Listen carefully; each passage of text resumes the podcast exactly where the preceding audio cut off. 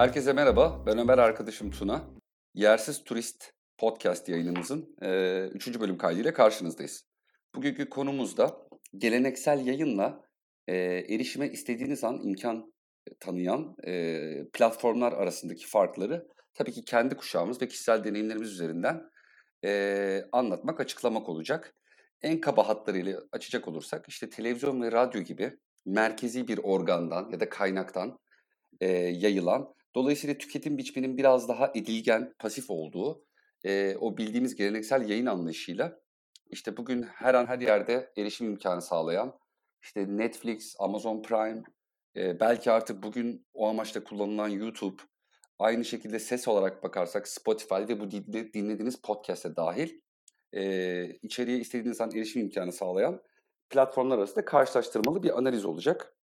Öncelikle e, ben ve Tuna 40'lı yaşların başlarındaki arkadaş olarak televizyon kuşağıyız. Yani televizyonla büyüdüğümüz ve e, televizyondan büyük oranda hayatı öğrendiğimizi söyleyebiliriz. E, enteresan bir şekilde bizim kuşağın bir avantajı da televizyon tarihinin dönüm noktalarını, mihenk taşlarını zamanında da yakalamış olmamız. Yani en basit haliyle siyah beyaz televizyon evet hayatımızda kısa bir yer tuttu ama o geçişi hatırlıyoruz. Daha sonra tek kanallı dönemden o ikinci kanalın açıldığı ki o önemli bir dönüm noktası benim için. E, ortak ben ilkokuldaydım ve e, ikinci kanalın açıldığı söylendiğinde kafamda canlandıramıyordum. Yani e, çünkü benim için televizyon eşittir kanaldı. İkinci kanal demek eve ikinci bir televizyon gelmesiydi. E, hayal dolayısıyla... meyal ben de hatırlıyorum şeyi, evet. TRT 2'nin açılışını. Yani ki o zaman TRT 2 bile değildi. ikinci kanal diye geçiyordu. Dolayısıyla hani kafamda canlandıramıyordum. Sonra çoklu kanallara geçiş. Çoklu kanallardan sonra 1990 yılında Star 1 Magic Box. E, o da ayrı bir dönüm noktası. O son derece liberal ve e, sansürsüz e, özel televizyon dönemi çok özlediğimiz.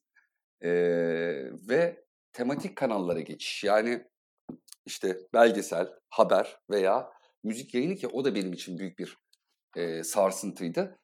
Enteresan bir biçimde 1990 yılında bizim oturduğumuz binada bir uydu yayını vardı. Ve orada üç tane yabancı kanal vardı. Rai Uno, RTL ve bir de hmm. Super Channel diye bir kanal. Şimdi Rai Uno ve RTL bildiğimiz geleneksel televizyon yayını. Fakat Super Channel benim aslında MTV'den önce gördüğüm müzik kanalı oydu. Gece gündüz müzik kanalı, e, müzik yayını yapan 24 saat bir televizyon kanalıydı. Bilmiyorum menşei neydi artık İngiltere miydi, Amerika mıydı ama e, şeye çok şaşırmıştım. Yani o tek kanallı dönemde her türlü programın olduğu bir kanal 24 saat yayın yapamıyorken işte anca 14-16 saat işte hatırlarsın İstiklal Marşı. Tabii 24, İstiklal 24 Marşı. saate geçiş de önemli bir şey. Tabii 24 saat e, şey e, İstiklal Marşı açılışı ve kapanışıyla olurdu. Sadece müzik yayınıyla 24 saat doldurabiliyordu. Fakat burada da tekrar kavramıyla tanıştık. Yani o güne kadar benim için televizyon dediğim bir izlediğini bir daha izleyemediğin, e, gerçek zamanlı bir yayın yapan ve dolayısıyla tekrarında olmadığı e, devamlı devinim halinde olan bir aygıttı. E, tekrar kavramıyla tanıştık. Aslında bakıldığında hani o NTV, CNBC'ye dönemini de hatırlarsan bugünkü platformlar kadar esneklik sağlamasa da aslında o zaman da televizyonlar kendi kısıtlı imkanları içerisinde bizlere zaman opsiyonu tanımaya çalışmış. İşte akşam 9'daki programın gece 1'deki tekrarı gibi. En azından hani kaçırdığında tekrar izleme şansı e, vermesi gibi. E, ve son olarak da e, bizim e, bu platformlarla tanışmamız oldu ki burada da şanslı olduğumuzu düşünüyorum. E, bizden bir 10-15 yaş büyük yaş grubunun kuşağın mesela bu platformlarla entegrasyonun biraz daha zor olduğunu görüyorum. E, biz çabucak buna da adapte olduk. Dolayısıyla biz hani televizyon deyince aklı o dikdörtgen aygıtın geldiği jenerasyonla e, laptop'tan film, müzik, şey film veya dizi izleyen jenerasyon ortasında bir yerde eşit mesafede hepsine şahit olabildik. E, hala da bugün e, hayatımızda var. Yani ben belki şu an %90 oranında platformları kullanıyorum ama o dijital kutusunu iptal edemiyorum. E, böyle biraz eşit mesafeden bakabilir konumdayız. Ortak sen, e, senin de bir televizyon fanatiği olduğunu biliyorum. E, şu an tüketim biçimin nasıl? Hala televizyonla ilişkin ne durumda? Yani şimdi televizyonu az önce yayına girmeden önce kapattım. Orada da gayet karasal yayın. Ana akım kanallardan birini izliyordum. Ya bir tane şey var. Ee, bayağı hardcore vegan bir doktor var. Beslenme uzmanı Murat Kınıkoğlu muydu şimdi ismini unuttum. Çağla Şikel'e çıkmıştı onu, onu izliyordum az önce. Evet. Benim için hala televizyon karasal yayın e, çok be- önemli bir şey. Hatta böyle evimde televizyon olmayan insanlar vardı bir dönem. Ya benim evimde televizyon yok, evimize televizyon sokmuyoruz ve hani bunu söyleyen, bununla gurur duyan insanlar türedi bir ara. Boş insan. hala var. Bu tercih. Ama benim için mesela çok ürkütücü bir şey. Televizyonsuz ortam. Televizyonsuz yaşam alanı. Evinizi televizyon olmadan nasıl yerleştiriyorsunuz? Mesela bu benim için e, büyük bir muamma. Şimdi oradan aslında girecek olursak birazdan bu platformlarla karşılaştırmasını yaparız ama öncelikle evet biz televizyon kuşağıyız. Biz doğduk ve bizi televizyonun karşısına oturttular. Biz hayatı evet sokaktan da öğrendik, ailemizden de öğrendik ama bir, bir yanıyla da televizyondan öğrendik. Yani televizyon bizim için çok belirleyiciydi. Şimdi ilk biz televizyon izlemeye başladığımızda senin de söylediğin gibi tek yayıncı, karasal yayın. TV2 sonradan çıktı. Hı hı. Ee, 90'ların başında da çok yayıncı, çok kanala geçtik ama şimdi ilk dönemin hani şöyle e, güzellikleri var. Bir kere kamusal yayın. Kamu, Şimdi o zaman TRT'siyle bugünün TRT'sini hani karşılaştırmak dahi güç ama o zaman bir kamusal fayda gözetiliyor. Her zaman ön planda. Mesela bu memleket bir şekilde e, 70'ler boyunca kış olimpiyatları izlemiş. İşte artistik patinajda taraf oldu, taraf tutmuş, sporcuları tanıyor. Yani evlere girmiş artistik patinaj. İşte Nadia Comaneci değil mi? Bütün Türkiye Ben, tanıyor. ben Katerina Witte tane- şey aldı. Katerina Witte, yani buz pateninde bir de Kurt Browning diye bir Kanadalı ve dediğin gibi Cagliari mesela 86 kış olimpiyatları. Ne hala Alberto Tombo Ha, diye bir adamla şey tanışmıştım. Ya da 88'di sanıyorum. 86 benim için çok erken. Evet. İşte hani olimpiyat, olimpik sporu çıkartmasa da e, aslında mesela işte Naim'in madalyaya uzanan Naim'in madalyasını büyük yapan şeylerden biri de bu halkın olimpiyatlar diye bir şey çok yakından izlemiş olması ama hayatında spor olmaması. Hani bir şekilde ama çok önemli e, bir hadise olduğunu biliyor olması yani. Neticede orada bir e, işte bizim kendi kuşağımızın anlarında da değil mi? Pazar günleri hep böyle şey işte Hikmet Şimşek'le pazar konseri. Değil mi? Yani bir şekilde Evet. hani böyle e, işte evet hani işte kamusal fayda gözetilerek yapılan yayınlar falan filan. Daha sonra Çok BBC'den de şey sanki geçtik. şey oluyormuş gibi geliyordu bana. Yüzde yüz. Ya mutlaka BBC ile Evet, çok evet. şeyleri vardı. Ya hep BBC ay, Rol şey yapıyor model. derken ilham alıyor gibi mi? Ha, mutlaka mutlaka. İlham alıyor. Hatta galiba Yani o hatta- yönetici oraya gidip staj yapıyor. Olabilir. Yani bilhassa İsmail Can döneminde belki TRT'nin özellikle şey yapmış olabilirler. Yani çünkü ya, ka- kamu yayıncılığı deyince dünyada da değil mi? E- ilk akla gelen yayıncı e, BBC oluyor. Şimdi oradan tabii şeye geçtik. Evet. 90'larda e, kar güdüsüyle hani bir anda ve kocaman bir boşluk var bir defa ortada. Her, her yaptığın hemen hemen özel kanal ilk defa yaptı. İşte acayip yarışmalar, fantastik yani televizyon bir anda fantastik bir halde döndü. Ee, gece işte kır- kırmızı nokta yani bu bayağı bu memleket saat 11'de mi başlıyordu 10.30'da mı her neyse ondan sonra Show, Show TV'de kırmızı noktalı erotik film izliyor. Yani Emanuel filmleri şimdi onlar da tabii o zaman hani komik derecesinde belki şeylerdi ama şimdi onlar da bir kültleşti. Ee, bayağı normal şeyden yayın, Show, Show TV'de falan filan yayınlanıyordu. İşte Star'da meşhur gece jimnastiği veya benzer reality show'ların başlangıcı. Evet. İşte artık böyle özel alanın ihlali ve işte normal insanların hayatlarındaki abuk şeyleri izleme şu bu. Yani çünkü bir şu etik sınırlar yıkılıyor. Yani ahlak tartışması, etik tartışması özel televizyonların girişi ortadan kalktı. Ve biz de aslında biz derken o zamanla şahit olan hep beraber şok olarak televizyona bir kere daha yapıştık. Şimdi televizyon yayıncılığı, geleneksel bu yayıncılığın en önemli işlerinden bir tanesi ve bu daha sonra şimdi onu tartışırız, daha derin tartışırız. Daha sonra başlayacak olan senin e, erişme, erişime istediğimiz an imkan tanıyan dediğimiz işte bu platformların girişine kadar olan e, geleneksel yayıncılığın en önemli özelliklerinden bir tanesi gerçekten hayatı organize etmesi. Başta ev içi hayatı. Yani Tabii. oturduğun alanlar, oturduğun alanları bile belirleyen şey televizyonun konumlandırışı. Ondan önce de işte radyoyu. Radyoyu da şimdi biz onu hatırlamıyoruz ama radyoyla beraber büyüyen kuşakta şimdi Türkiye'de tabii televizyonun girişi batıdan daha geç. Amerikalılar aya ayak basmayı televizyondan izlediler. Onların Biz radyodan. E, ha kam, bütün ortak belleklerinde vardır işte o Armstrong'un o e, şeyden inip poddan inip işte aya, ayak bastığı an. Biz de radyodan işte e, insanlar bir şekilde artık canlandırarak kafasında canlandırarak nasıl başardılar bilmiyorum ama e, biz de radyodan ama yine evin baş köşesinde olan radyodan ve yine e, ortak belleğimize özellikle mesela o alanı o ana şahit olan insanların ortak belleğine işlendi. Yani bu kitle iletişim araçları, bu yayın araçları bir ortak bellek de oluşturuyor. Yani bunların en büyük ideolojik vasıflarından bir tanesi de bu. Ee, şimdi karasal yayıncılık, o takip ettiğimiz yer bizim de oldu. İşte bütün bizim kuşağımız aşağı yukarı aynı programları aynı hevesle sayabiliyoruz. işte hatırlayabiliyoruz. Veya pazartesi sabah e, okula gittiğimizde daha sonraki senelerde işe gittiğinizde veya işte bizim büyüklerimiz işe gittiğinde üç aşağı beş yukarı herkes o pazar akşam izlenen şeyden bahsetti veya cumartesi günü televizyonda olan şeyden.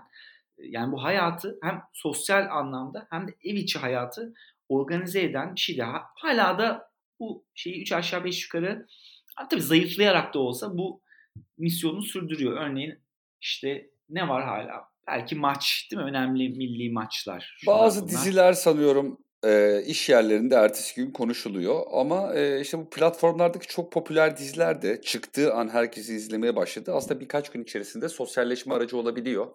E, örnek veriyorum Stranger Things işte çıkar çıkmaz herkes izliyor. Ve bir buluşan insanlar bölümleri e, tartışabiliyorlar. Ama dediğin olay hemen hemen her gün bir önceki günün işte canlı yayını veya bir e, müsabakası olabilir ya da dediğin gibi bir tartışma programı olabilir. E, oturup konuşulduğu ve insanların te, tabii bundan çok çok daha önce düşünebiliyor musun? İnsanlar kitaplar üzerinden sosyalleşiyormuş. Yani bugün işte şunu izledin mi? Bu diziyi izledin mi? Konuşulan şeyler aslında dönüp bakıldığında hep Netflix veya işte televizyondaki şu maç vesaire ama işte bundan bir 50-60 yıl önce e, işte senin bir önceki e, yayında söylediğim Peyami Safa'nın çıkan kitabı üzerinden sosyalleşiliyormuş. Tabii yani saygı duymamak mümkün değil. E, ama bu tabii biraz daha hızlı tüketim. Dediğin dönemde çok kesinlikle insan hayatını, sosyal hayatı domine eden bir dönem. Ya dizi o zaman da var. Gazetelerde şey yapıldı bu defa. E, muhtemelen radyo ile eş zamanlı. Şimdi radyonun girişi daha eski tabii. Şimdi düşününce 2. Dünya Savaşı'nda insanlar radyodan takip etmişler. Ama işte bu şeyde e, o tabiri de unuttum onun bir tabiri de vardır. İşte romanlar parça parça gazetelerde yayınlanıyor. Daha sonra hmm. e, işte resimli romancılık diye bir şey var değil mi? İşte yine bölüm bölüm. Fotoroman o, evet. Fotoroman evet resimli roman ve fotoroman olarak yani yine o şey gazete üzerinden de yapılıyor. Şimdi bir de e, şöyle bir şey, bu şeyden bahsetmedik. Bir de e, tabii televizyon vardı ama bir de önemli bir şey hayatımıza giren alet video yani video player VCR. Evet, yani işte, evet. E, evet bu 80'lerde özellikle işte her eve girdi ve bunun şimdi bu kanalda da bir süre devam etti işte kaset kaset uzun süre vardı. Hatta kasetçi diye bir şey vardı mahallelere girdi. Bayağı dükkan gidiyorsun kaset kiralıyorsun. İşte Betamax, VHS, Betamax Sony'nin sistemiydi. VHS diğer üreticilerin, tabii bunların çoğu Japondu. Diğer üreticilerin sistemiydi. VHS daha yaygındı. Hı hı. Ondan sonra işte kaset daha sonra VCD, DVD, Blu-ray derken bir hard copy içerik izleme biçimi de vardı. Tabii bu da yerine artık download'a mı bıraktı veya online izleme hani bir şekilde ortadan kaybolan Ve aslında bu platformlara şey bıraktı. Aslında bu söylediklerim video, VCR vesaire e, bugünkü platformların o zamanki karşılığı olabilir. Yani talep bazlı işte video on demand dedikleri. Evet, talep bazlı. Gidip kiralıyorsun ve izliyorsun. Tabii yani öbüründe şimdi ha şimdi şey geliyor. Öbüründe diğer kar, karasal veya işte şey yayınında, televizyon yayınında şimdi yine televizyon yayınının dominant olduğu zamanlara ait bir şey. TV Guide. İşte bu Amerika'daki çok meşhurdur. Bizde de yapılıyordu benzerlerini. Gazeteler veriyordu. Haftalık yayın akışları olduğu küçük bir kitapçık içerisindeki kanalların çok kanalını geçirdikten sonra işte 5-6 tane diyelim e, ulusal kanal var. Hiç her zaman sapar bunlar. Evet, evet. İşte haftalık veriyor. Sen pazar günü eline alıyorsun ha. Salı günü saat 8'de film bekliyorsun işte heyecanla. iki gün o he- heyecanla bekledin bekledin saat bir geldi. Hiç esamesi okunmuyor. Hatta sabahki yayın akışına bile bakıyordum. Kanalın kendi yayın akışını da veriyordu. Sabahları yayın akışı verilirdi kanallarda. Oraya bakıyordum. Akşam görünüyordu. Akşam oluyor. Hiç yani bir şey de vermeden, bir hesap da vermeden, bir açıklama da yapmadan ortadan kaldırıyorlardı ama sen kendi hayatını ona göre organize ediyordun sonuçta. Tabii, Salı tabii. akşamı saat 8'de o filmi izleyeceksin. Şimdi bu zorunluluk ortadan kalktı. Şimdi bolluk var. Şimdi aynı şey müziğin de başına geldi tabii de. Tabii. Şimdi bu içeriğin veriye yani veri olayına geçtiğimizden beri her şeyin veriye dönüşmesinden beri acayip bir bolluk var ortada ve istediğin her şeyi her an izleyebiliyorsun mu? Hakikaten istediğimiz her şeyi her an izleyebiliyor muyuz? Yani kendi, bizim daha mı şeye geçtik ortak? Ee, irade merkezli bir düzene mi geçtik? Yani gerçekten bu e, video on demand veya işte bu platformlar bizim irademizi özgür mü kıldı? Yani daha mı özgürüz eski televizyon yayınlarına göre? İzleyicilerine göre. Yani e, evet. olabilir tabii ki. Şu an daha bizim yönettiğimiz bir sürece girdiğimiz kesin. Yani eskiden bu televizyonun hayatımızda çok yani televizyon derken de biz aslında bir yayından bahsediyoruz. E, belli bir süre sonra belki televizyon insanların aklına sadece aygıt gelecek. E, bu yayınlarda doğru diyorsun. İki tip tüketim şekli vardı. Bir tanesi işte böyle saatini, programın saatini bildiğin, kendini ona göre programladığın, işini gücünü hallettiğin ve haliyle biraz daha böyle disiplinli bir süreci de gerektiren takip şekliydi. E, bu benim hayatımda %25 oluşturuyordu belki ama bir %75 kadar da televizyon açma, televizyon izleme yani başlı başına bir eylem. E, mesela bugün şeyi çok duymazsın ya dün gece e, bütün gece Netflix izledim veya Amazon Prime izlediğimi duymazsın. Genelde izlediği filmi, belgeseli veya diziyi söyler insanlar. Hı. Bizim zamanımızda televizyon izlemediği bir eylem vardı. Yani o da aslında televizyonu en basit şekilde açıp kanallar arasında kaybolup o imaj bombardımanına maruz kalma durumuydu. E, tabii şimdi o çok daha pasif bir tüketim şekli. Ama e, benim mesela çok sevdiğim bir şeydi yani o kanallar arasında kaybolmak. Benim böyle kendimce önemli kararlarımı, düşünce seanslarımı yaşadığım anlardı onlar. E, biraz aslında televizyon açıkken bir mesafe kurma. Tabii ki televizyonun bir aptal kutusuna dönüşmesi de an meselesi. Çünkü orada devamlı bir sinyal gönderimi, bir imaj ve imge bombardımanı var. Siz orada pasif tarafsınız ve sürekli alıyorsunuz. E, etkileşim de tabii yok olduğu için bir süre sonra artık o verileri ya da o işte imajları işleyememe, e, beynin komuta merkezine gönderememe ve anlayamama da başlıyor. Orada artık e, işte izlendiği şeyin hatırlanmaması hali de başlıyor. E, tehlikeli bir noktaya da gelebilirdi tabii o. Hatta Müjdat Gezen'in çok meşhur bir filmi de vardır. E, Televizyon Çocuğu diye. Yani izlediği şeylerden etkilenip artık gerçek hayatına da sirayet eden televizyon dünyası gibi. Ee, bir, ben hani hiçbir zaman o tehlikeli noktaya geçmediğimi düşünüyorum. Ee, çoğu zaman da hani yönlendirme şansını da hani belli zamanlarda çok sıkıldığımda bir dakika ne yapıyorum dediğim oluyordu. Ha yani keşke maruz kalmasaydım dediğim yayınlar var şu anda. İşte saçma sapan reality şovlar veya sabah programları vesaire ama e, kesinlikle yani, okuldan gelince izlenen şeyler. O kadar yani. konuşan eşekli bir şey vardı ya onu tam Hatırlamadım. Hatırlamıyorum yani, ama yani. E, şey. Ama ya korkunç şeyler izliyorsun. Tabii okuldan dönünce saat de bir, abuk bir saat. Asıl hedef kitle de henüz yok mesela evde. Yani Aile o şey iyiydi evet, tabii orada. O canlı hissi. Ya mesela şu anda bugün evet e, daha irade bazlı bir sistemdeyiz. Seçebiliyoruz ama bazen seçmenin çok zor geldiği anlar da oluyor. Yani e, bir canım sıkılıyor diyelim. Özellikle yalnızken mesela eğer ne izleyeceğimi de bilmiyorsam mesela şu anda ben Netflix'te tıkanma noktasındayım. Bazen böyle dönemler oluyor. E, Lock and yani Netflix demişken şeyi de bir e, konuşalım bu arada. Yani Netflix'in yönlendirmesini. Evet evet. Arama o- yani gerçi ha, onu Orada- konuşalım. onu da Yani o kadar konuşalım. özgür müyüz Netflix'te evet. O da, o da kesinlikle tartışmaya değer. Ama belli dönemlerde bazen böyle birikmeler oluyor. Bazen de böyle tıkanmalar oluyor. Böyle durumlarda bir şey seçmek özellikle yalnızsam çok zor da olabiliyor. E, televizyon orada işte canlı bir sesin olması, band kayıt bile olsa aslında seninle aynı zaman diliminde o anı paylaşan başka insanların olduğunu bilmek. Orada stüdyoda sonuçta bir VTR'ci, bir KJ'ci, işte reklamları giren bir operatör, orada dönen bir ekosistem de var. Seninle aynı anı paylaşan. Dolayısıyla daha canlı hissi yaşatan bir şey. Yani eee, hala ona ihtiyaç duyulabiliyor. Yönetme kısmında bazen o kadar insanda şey iradesi olmayabiliyor. Yani ne izleyeceğini bilmek. Örnek vereyim. Mesela belgesel izleyeceksem Netflix içerisinde belgesel seçmek bana daha zor geliyor. İşte bu National Geographic veya Discovery Channel'ı açıp işte. Dijitürk'te ne varsa oradan bir şey yakalamak daha heyecanlı gelebiliyor. Ama mesela film izlemek kesinlikle benim artık televizyondan bıraktığım bir şey. Yani şu anda benim zaten televizyon herhalde hani geleneksel televizyon yüzde on civarı eee zamanımı ala- alan bir şey diğerine göre.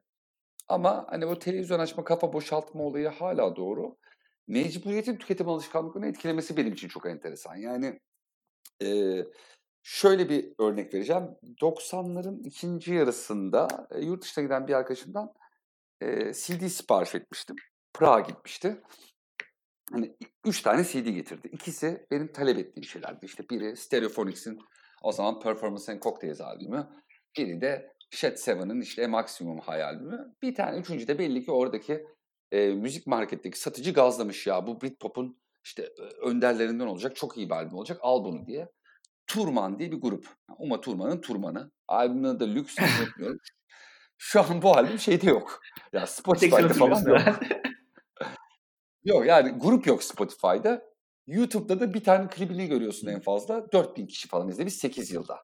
Ya kötü bir grup esasen. Fakat mesela ben onu dinledikçe artık söylemeye, sevmeye başlamıştım ve o albümü saçma bir şekilde severim.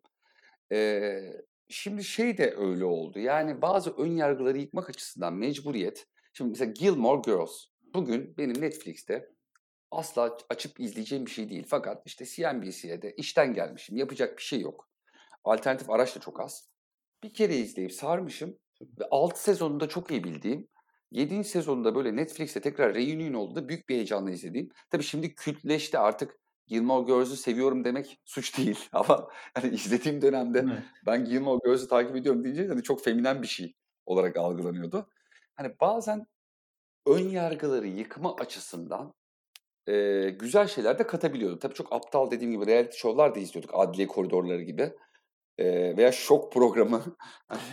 Çok enteresan bir programdı. Hala böyle hani Yani Saadet'in tek söylediği yani şimdi nostaljiye girmek istemiyorum ama evet yani orası çok zengin. Evet evet. Yani Çok öyle çok zengin, şeyler var garip yani. şeyler de vardı.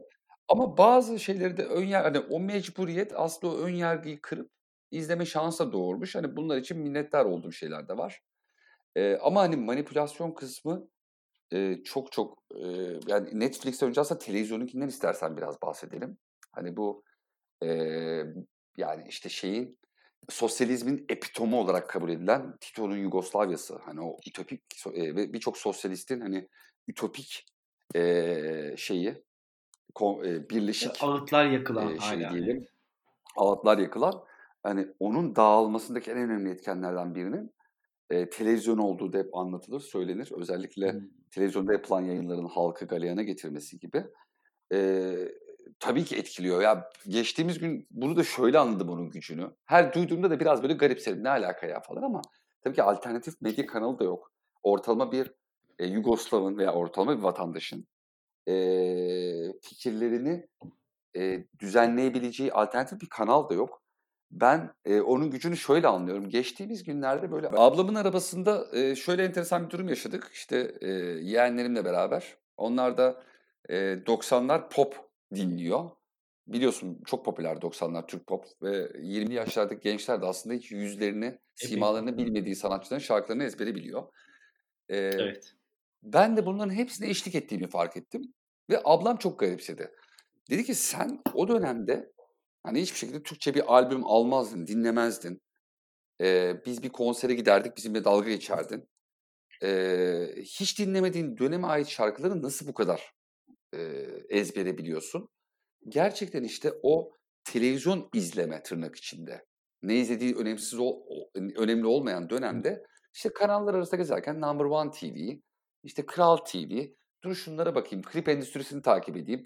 Ya bu şarkıyı canlı sazlarla mı çalmışlar? Hep bir batıyla da kıyaslama hali var. O yüzden böyle eleştirel bir gözle de izleme.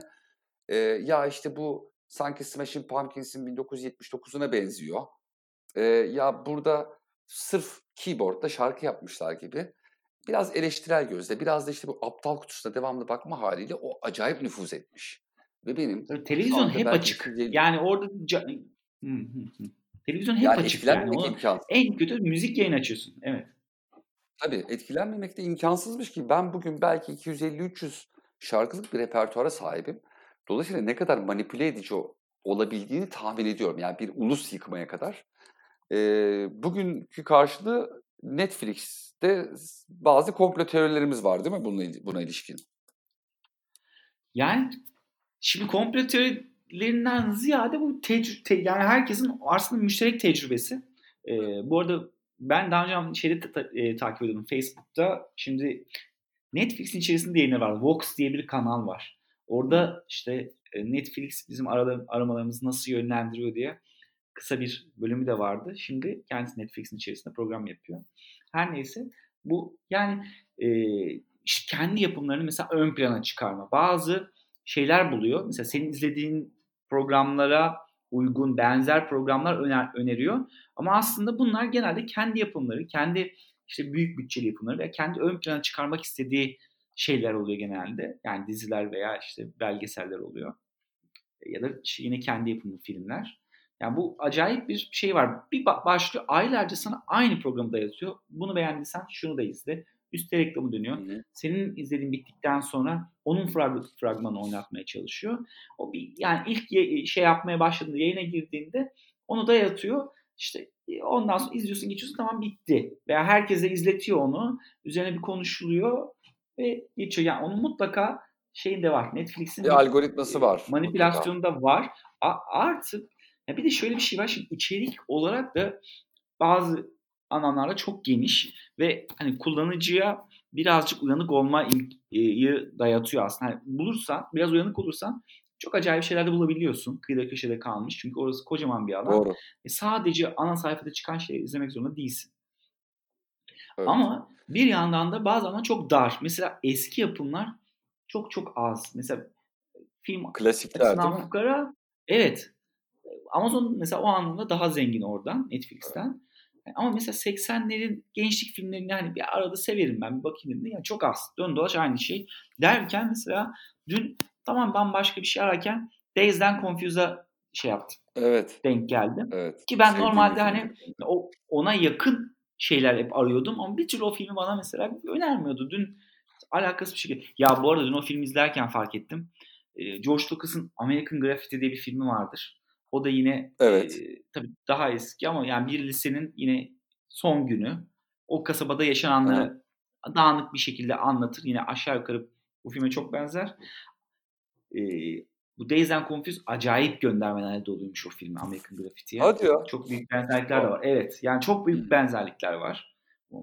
Şimdi konuyu dağıtmak istemiyorum çünkü geçen bölümde onu çok yaptık toparlayamadık sonra. yani Peki, evet. Yani, yani burada bence en büyük e, çok pardon e, en büyük hala kalemiz e, IMDB diyorum. Yani ben de çünkü bu, bu bundan muzdaribim. Bana sürekli bir şeyleri dayıyor, sürekli mail atıyor. Özellikle yeni bir yapım, görkemli bir yapımsa sürekli hatırlatma yapıyor. Böyle bir algoritması olduğuna da eminim. Netflix. Ama işte orada... Ha, uygulaması da çok şey yapıyor, evet. sürekli. Ama IMDB işte yani şş, IMDB son kalemiz bu anlamda. Gerçekten bir yapımın iyi olup olmadığını ilk oradan kontrol ediyorum. Biraz işte o user review'lara bakıyorum. Oradaki yorumlardan ortalama. Direkt puan değil. Yani puan bana da çok bir şey ifade etmiyor. Genelde çok beğendiğim filmler 6 6.2 civarı da olabiliyor. Evet. 6-7 aralığı. Hani yorumlarda 6-7 aralığı evet. Yani yorumlardan bir şey çıkarıp duyabiliyorum. Fakat korkum e, bu çok enteresan. Mesela eskiden İstanbul'a bir konser olduğunda, bir grup geldiğinde işte e, ekşi sözlükte onunla ilgili bir başlık açılırdı ve ertesi gün konserin analizi yani e, sayı çok sayıda entry işte kimisi havalandırma sisteminden girer. İşte grubun performansından çıkar. E, bilgi alınabilir. Hatta gidemediğim konsere oradan bakardım. Hay, hay Allah ne kaçırmışım diye. O giderek azaldı. Artık hani işte 2010'larda filan hiç entry girilmemeye başlandı. Bir endişem benim bu üretim bombardımanı içerisinde artık IMDB yani eleştiri mekanizmasını da iyice azalıp bir yerden sonra bir yapımın nasıl olduğuna dair bir fikir dahi edinemeyeceğimiz korkum var. E, o zaman mecburen izleyerek test edeceğiz. İşte o çok tehlikeli olacak. Yani e, boş boş saatler harcayacağız belki de. Ki şu anda bile azalma görüyorum. Bazen baktığımda daha böyle çok az review var. Çünkü hani Netflix o gün çıkarıyor. 3-5 saat içerisinde kim ne kadar review yazacak. Böyle bir kararsız kalıyorsun iyi mi kötü mü diye. Veya işte Rotten Tomatoes orası mesela çok yavaşladı artık. Hani eskiden o büyük bir turnusol kağıdıydı. Oradan bakıp tamam ya bunu izleyelim der, derdik. Şu an bazı filmleri arattığımda Rotten'da çıkmıyor bile. Yani şeyi eleştiri hızı çok yavaşladı. Ya evet şimdi aynı şeyi ben de yaşıyorum. Diyelim ki ekşi sözlüğe bak. Yani bakıyorum ben de işte ekşi sözlüğe ne yazmışlar. Özellikle son sayfaya bakmak gibi bir adetim var. Eski bir yapım bile olsa. Nedense yani. Orada mesela baktığımda abi bir bölüm izliyorum. ne kadar güzel diyorum. Abi bir bakıyorum bir sayfa ekşi sözlükte. Veya işte evet. hani ikinci sayfayı dolduramamış şaşırıyorum yani. Hani böyle fena bir yapım da değil. Allah Allah nasıl insanların radarından kaçmış diye ama radara takılacak o kadar çok şey var ki. Tabii. Bu anlamda da mesela bu televizyon yayınlarının ortak bellek oluşturma vasfını veya işte öyle bir netice var. Hakikaten işte ortak bir belleğimiz var bizim televizyondan yapılan yayın doğrultusunda oluşmuş veya ortak belleğimizin bir kısmını onlar teşkil ediyor. Bizim kendi kuşağımızın. O aşağı, o aynı şey mesela şu anda karasal yayını veya işte bu te- televizyon izlemeyip e, platformları daha çok izleyen kitlede aynı etkiyi oluşturacak mı? Bu ortak belleğin şeyine yakınlaştırma, bir duygudaş, duygudaşlık oluşturma, işte benzer şeylerden heyecan duyma. Ee, değil mi? Yani öyle bir yani evet, yönü o... var. Şimdi mesela bu tarafta muhtemelen bu olmayacak çünkü çok fazla. Evet. Yani kesinlikle bir şey var. E, bolluk ya da kirlilik diyebiliriz ama Belki bizim jenerasyon için olmayabilir ama işte Z jenerasyonu işte e, sanırım bunu Y jenerasyonu için de söylüyorlardı. Hani bu bunun özellikle dünya çapında tekleşme gibi bir durumu olduğu söylenir. Çünkü tabii eskiden coğrafik farklılar, e, farklılıklar işte ergenlik dönemi, gençlik dönemi e, ciddi e, şekillendirirken e, şimdi bir şey teorisi var. Yani 16 yaşındaki Brezilyalı bir gençle Slovak bir genç hemen hemen aynı zevklere ve aynı kültüre sahip. Çünkü hepsi aynı kanaldan hmm. besleniyor. Yani sosyal medya üzerinden beslendikleri için hani Kanye West artık sadece Amerika'da ünlü değil. Veya sadece işte Brezilya'da ünlü değil, Slovakya'da ünlü, Rusya'da ünlü. Aslında tek bir kanaldan beslenme durumu olduğu için belki yeni jenerasyonda yine bir duygudaşlık olabilir. Ama çok fazla Doğru. tabii e, üretimin olması da bunu engelliyor olabilir. Orada mutlaka yine alt e, şeyler, dallanmalar olacaktır. Ama sanki biraz daha bu yeni jenerasyon beraber aynı duygularla büyüyor gibi geliyor bana. E, ki bizler bile öyle. Yani artık sosyal medyada çıkan bir şeyi bir saat sonra sana söylediğimde gördüm onu diyorsun. Aynı şeyler karşımıza çıkıyor. Bir, bir şey gün sonra paylaştılar eskidi zaten artık. Eski bir gün sonra eskiyor eskidi. zaten tabii. Tabii tabii bizim bir WhatsApp grubumuz vintage. var burada dinleyenler için söyleyelim. Yani hemen hemen vintage e, yaftası yapıştırılıyor. Yani biri böyle hevesle bir şey paylaşıyor. Vintage dedi de mesela 6 saat geçmiş. E, ama Aynen, bunu paylaşacağım, gündemi yani. belirleyeceğim. Herkes çok yani, gülecek. Derken. Dolayısıyla işte hani Atakan fenomeni yani bir saat içinde bilmeyenimiz yoktu. Dolayısıyla aslında bir duygudaşlık yine e, oluşuyordur gibi geliyor bana ama ne kadar nitelikli daha, daha uçucu olduğu kesin yani işte 3-5 saat sürüyor. E, her gün bir yenisi geliyor. Hatta bu yenilerin hemen böyle bir komplo düşüncesi yani işte şimdi bu ısıtıldı bu sürüldü piyasaya veya bir adam bir şey paylaşırken aslında bunu kurgulayıp planladı. Yani müthiş güvensizlik. Bir, e, sosyal medya bence yani bir programı kesinlikle ayırabileceğimiz bir konu. Ee, ancak televizyonla ilgili mutlaka eksik söyleyeceğimiz şeyler kalmıştır. E, yazılı olmayınca da böyle oluyor işte. Program bittikten sonra aa ben şunu da söyleyecektim diyorum. Sana da oluyor eminim. ya, Ama artık şimdi, bence Toparlayalım. Toparlayalım mı? Ya Atakan fenomeni üzerinden hatta şey yapalım. Bu ya hızlı tüketme. Ee, gazete iki gün sonra yani çocuğun ilk videosu düştükten sonra işte o DNR'da mı ne bir tane adam yakalıyor çocuğu. Ufak bir sohbet.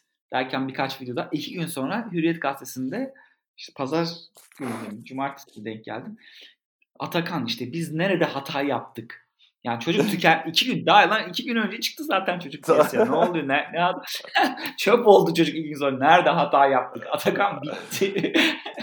ya evet mesela bu tüketim hızına şimdi bazı şeyde biz evet yakın programın başına dönelim. Ya, kendi kuşağımız da işte nasıl diyelim alt şeyinde yer alıyoruz yaş grubu olarak. Hani bir şekilde yakaladık. Bizim bizden bir üst kuşak zaten e, onlar orta çağ gibi şimdi çok ciddi anlamda zorlanıyorlar. Hı hı. İşte bu hangi birini izlesin? Netflix kafaya tam yatmıyor.